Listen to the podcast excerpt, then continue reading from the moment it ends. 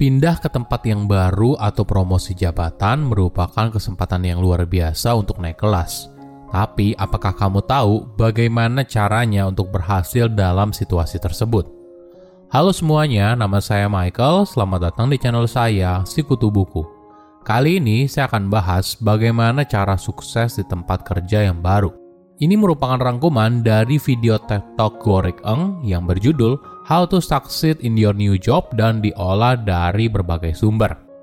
Apa yang kamu lakukan ketika pindah ke kantor baru atau ketika mendapatkan promosi jabatan? Bagi sebagian orang, ini bukan situasi yang mudah. Di satu sisi, kamu perlu meyakinkan atasan dan rekan kerja kalau kamu beneran bisa kerja.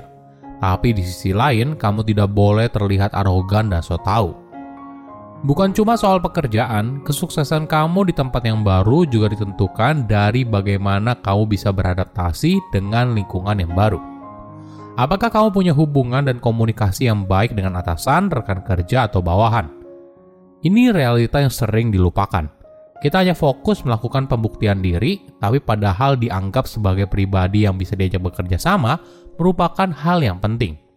Namun tentunya dalam masa adaptasi bukan hanya perusahaan yang menilai apakah kamu karyawan yang cocok untuk pekerjaan tersebut atau tidak. Tapi di sisi lain, ini juga merupakan kesempatan kamu untuk menilai apakah posisi ini atau perusahaan ini cocok nggak buat kamu. Sebelum kita mulai, buat kalian yang mau support channel ini agar terus berkarya, caranya gampang banget. Kalian cukup klik subscribe dan nyalakan loncengnya. Dukungan kalian membantu banget supaya kita bisa rutin posting dan bersama-sama belajar di channel ini. Transisi ke posisi yang baru, entah promosi atau pindah ke tempat kerja baru, merupakan kesempatan berharga untuk naik level. Kamu mungkin menggunakan cara main yang biasanya kamu lakukan. Gunakan pengalaman dan keahlianmu untuk berkontribusi di posisi tersebut memastikan dirimu diterima di lingkungan kerja termasuk dengan atasan, dan meraih beberapa kemenangan kecil dalam beberapa bulan pertama untuk menunjukkan kalau kamu bisa kerja.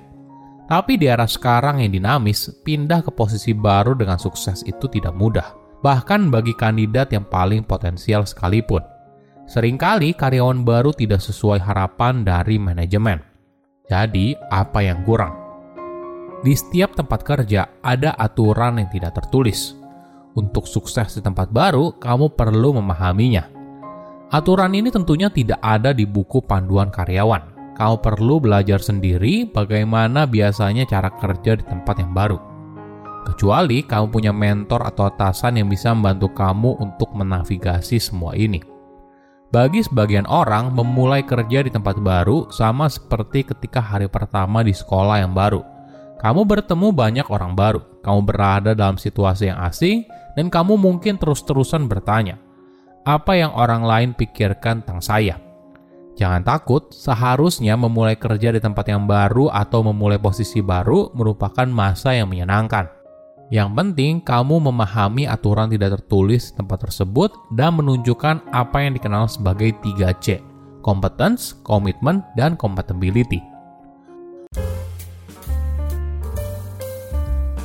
Oke, kita bahas satu persatu ya. C yang pertama yaitu competence. Di hari pertama, rekan kerja yang baru mungkin melihatmu dan berpikir, orang ini bisa kerja nggak ya? Jadi tugas kamu adalah meyakinkan orang di sekitarmu, atasan, rekan kerja, dan tim kamu apabila ada, kalau kamu emang beneran bisa kerja. Di hari pertama, kadang situasinya membuat kamu kewalahan. Apalagi jika kamu sedang berada dalam sebuah proyek yang besar dan kamu diminta untuk segera belajar dengan cepat, harus berkontribusi. Daripada sedikit-sedikit kamu tanya atau datang ke atasan minta arahan, bagaimana bila kamu mencoba mengerjakannya dulu? Jika posisi kamu menggantikan orang lain, coba lihat hasil kerja mereka sebelumnya. Itu bisa jadi perbandingan bagaimana kamu mengerjakan sesuatu di tempat kerja yang baru. Jika sudah, coba konfirmasi ke atasanmu dan minta umpan balik. Di fase ini, jangan jadi orang sok tahu. Apa yang kamu pikir benar belum tentu cocok dengan apa yang mereka kerjakan selama ini. Alih-alih dianggap kompeten, kamu mungkin saja dianggap sinis dan dianggap arogan. Jadi tugas kamu adalah menyerap semua informasi dan belajar bagaimana mereka bekerja di sana. C yang kedua adalah komitmen. Setelah melihat apakah kamu bisa kerja atau tidak, lingkungan sekitarmu juga mengamati apakah kamu berdedikasi atau tidak. Di minggu pertama bekerja, cobalah tanya ke atasanmu soal ekspektasinya. Prioritas apa yang harus dilakukan di posisi ini? Bagaimana atasan kamu berkomunikasi? Apakah perlu dibuat sesi one-on-one seminggu sekali atau sebulan sekali? Nah, buat rekan kerja, cobalah untuk lebih kasual. Di beberapa hari pertama, kamu mungkin akan dikenalkan kepada beberapa departemen dan juga rekan kerjamu. Di momen itu, coba pikirkan bagaimana cara mengubah sebuah halo menjadi sebuah percakapan dan pada akhirnya menjadi sebuah hubungan sosial. C yang terakhir adalah compatibility. Setiap kali ada orang baru, orang lain di sekitarnya pasti berpikir, orang ini bisa diajak kerja sama nggak ya? Saya pribadi punya tips yang mungkin bisa kamu praktekkan.